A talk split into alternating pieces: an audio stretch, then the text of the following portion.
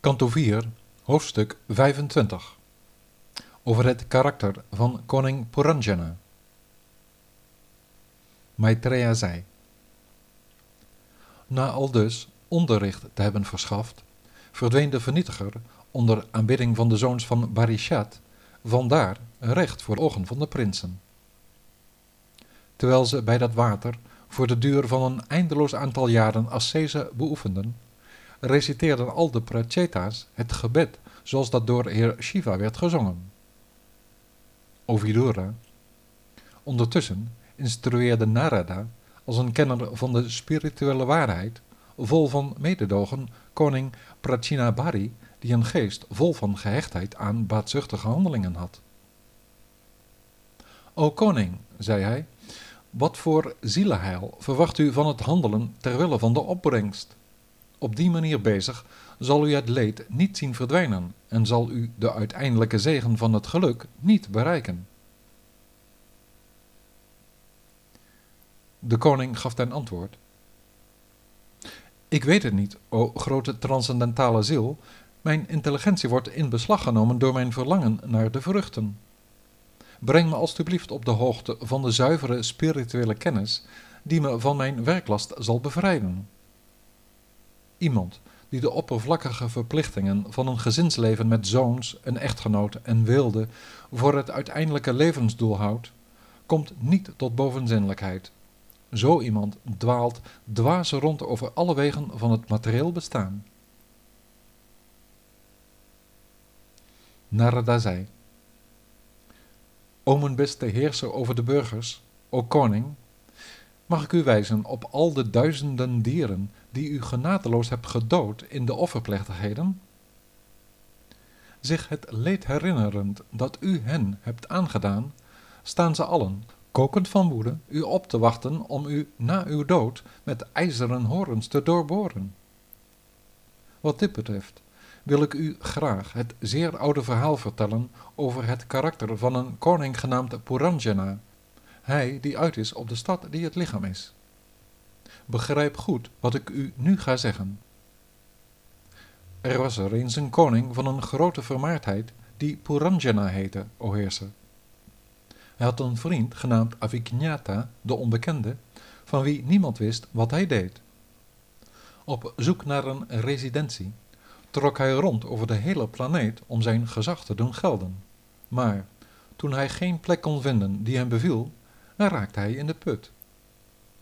Zich een hoofdstad wensend die aan al zijn verlangens beantwoordde, vond hij, van al de plaatsen die hij op deze aarde aantrof, geen enkele goed genoeg.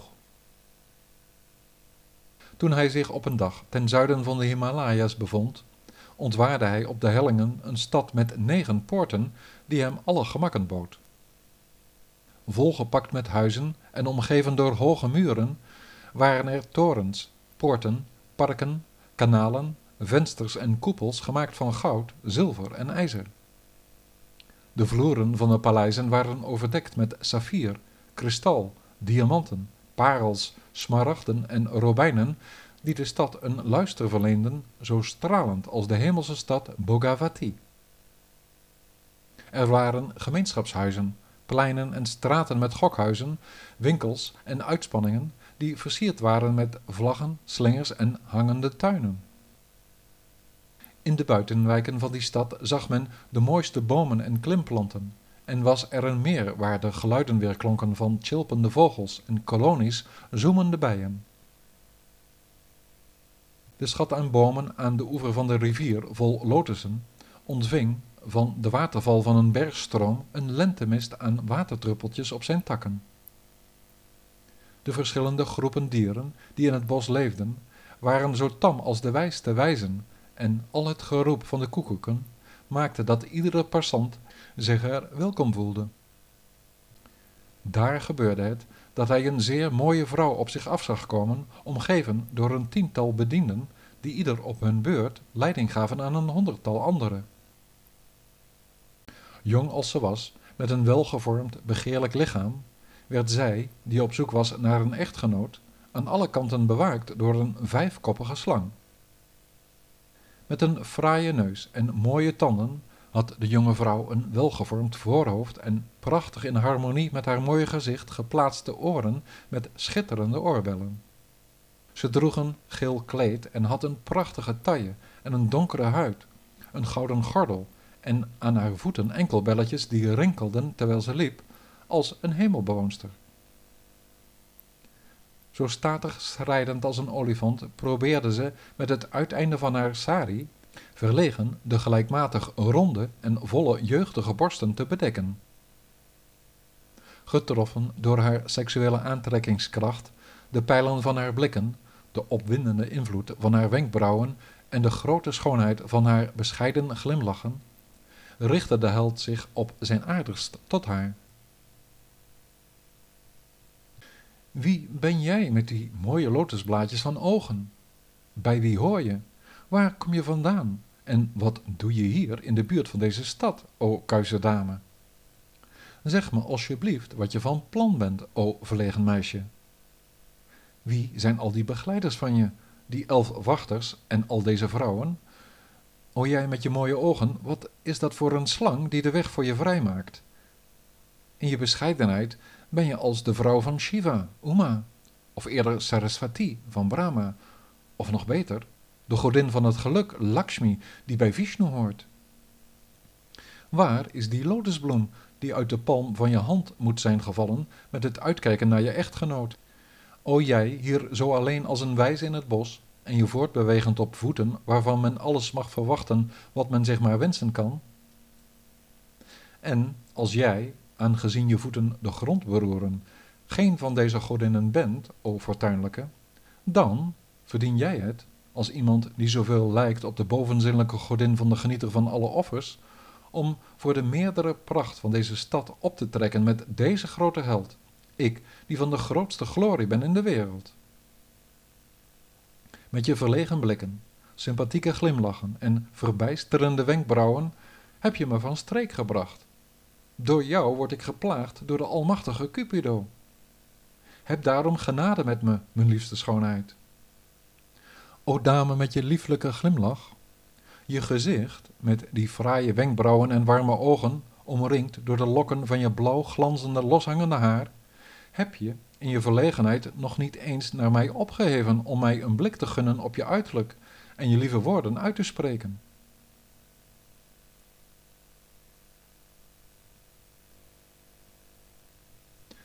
Narada zei,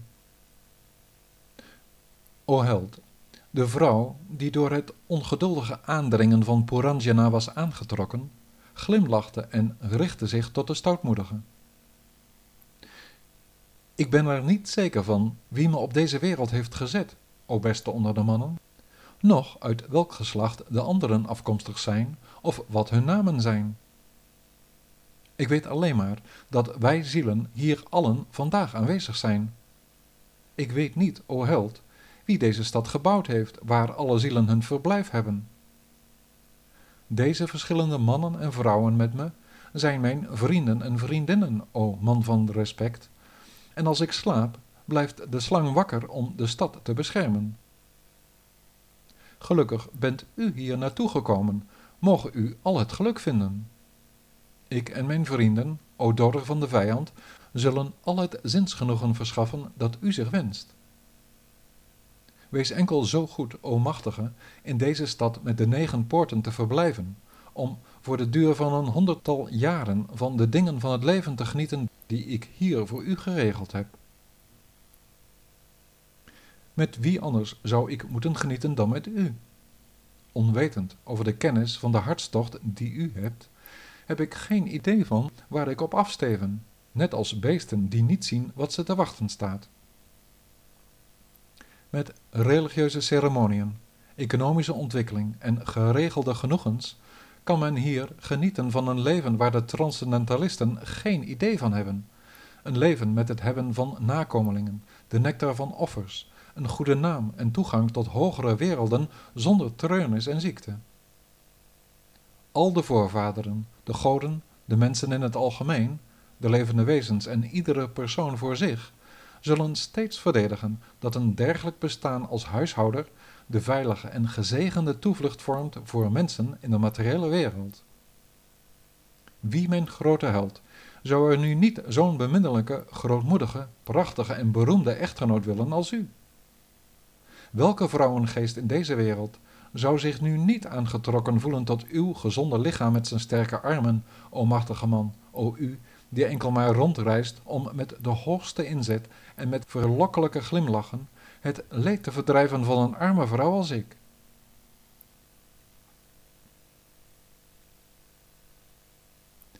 Narada vervolgde, O koning, nadat ze het aldaar eens waren geworden over de voorwaarden van hun verbintenis, gingen ze als man en vrouw de stad in om er voor de duur van een honderdtal jaren van hun leven te genieten. Als het te heet was, begaf hij zich omringd door vrouwen in de rivier om zich met hen te vermaken en de zangers zongen er daar en elders mooie liedjes over. De stad had zeven poorten bovengronds en twee benedengronds, die waren gebouwd om de bestuurder van dienst toegang te verschaffen tot verschillende plaatsen. Vijf poorten lagen op het oosten, één lag er op het zuiden, één op het noorden en twee bevonden zich aan de westelijke kant. Ik zal u hun namen beschrijven, o koning. Op één plek, aan de oostkant, waren er twee poorten gemaakt die Kadyota, gloeiworm, en Avirmukhi, de toorts, werden genoemd.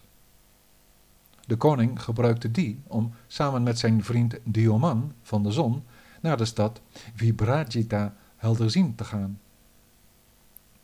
Op een andere plaats aan de oostkant waren de poorten gemaakt genaamd Nalini en Nalini, mystieke benamingen voor de neusgaten, en die werden gebruikt als hij met zijn vriend Avaduta, hij die zich wist te ontdoen, naar een plaats ging genaamd Sauraba, de geur. De vijfde poort aan de oostkant, genaamd Mukhya van de mond, werd door de koning van de stad samen met Razaknya, de proever, en Vipana, het spraakorgaan, gebruikt om twee plaatsen genaamd Bahudana, vele giften, en Apana, de markt, te bezoeken. Gaand door de zuidelijke stadspoort genaamd Pitrihu, de voorvaderen aanroepen, o koning, bezocht Puranjana samen met zijn vriend Shrutadhara, een goed geheugen hebben, de zuidelijke landstreek genaamd Dakshina Panchala, de zuidelijke gebieden. De stadspoort, genaamd Devahu, op God gericht, in het noorden, gebruikte Puranjana om met Shrutadhara de noordelijke gebieden te bezoeken, genaamd Uttara Panchala, het vijfvoudige van het noorden. De poort aan de westkant, genaamd Asuri, die verstoken is van licht, werd door Puranjana gebruikt om samen met Durmada, hij die er gek op is, naar het lustoord genaamd Gramaka, een klein plaatsje te gaan. De westelijke poort, genaamd Niriti, de bodem, de beëindiging, werd door Puranjana gebruikt om, begeleid door zijn vriend Lubdaka, de begeertige, naar de plaats genaamd Vaishasha, leed, slachting te gaan. De koning, die hoorde bij hen die konden zien, ging door de onderaardse poorten genaamd Nirvaak, sprakeloosheid, en Peshashkrit, de hand, om dingen te doen samen met twee blinde burgers. Als hij naar zijn privévertrekken ging, deed hij dat onder begeleiding van Vishuchina, die afzonderen, en dan genoot hij in een staat van illusie tot zijn bevrediging en geluk van zijn vrouw en kinderen. Al dus sterk gehecht aan handelen in lust en dwaasheid terwille van een bepaald resultaat, kwam hij bedrogen uit in zijn horigheid aan alles wat zijn koningin ook maar wenste dat hij zou doen. Als zij drank tot zich nam, dronk hij ook en raakte hij beschonken. Als zij at, dan at hij mee, met haar kauwend wat zij aan het kauwen was. Als zijn vrouw zong, zong hij ook. En als zij bij tijden moest huilen, huilde hij ook. Als zij moest lachen, lachte hij ook. Als zij over koetjes en kalfjes sprak, babbelde hij vrolijk mee. Waar zij ook heen ging voor een wandeling, volgde hij dezelfde weg. Als zij stilstond, stond hij stil. En wanneer zij zich te rusten legde, ging hij haar navolgend ook altijd liggen.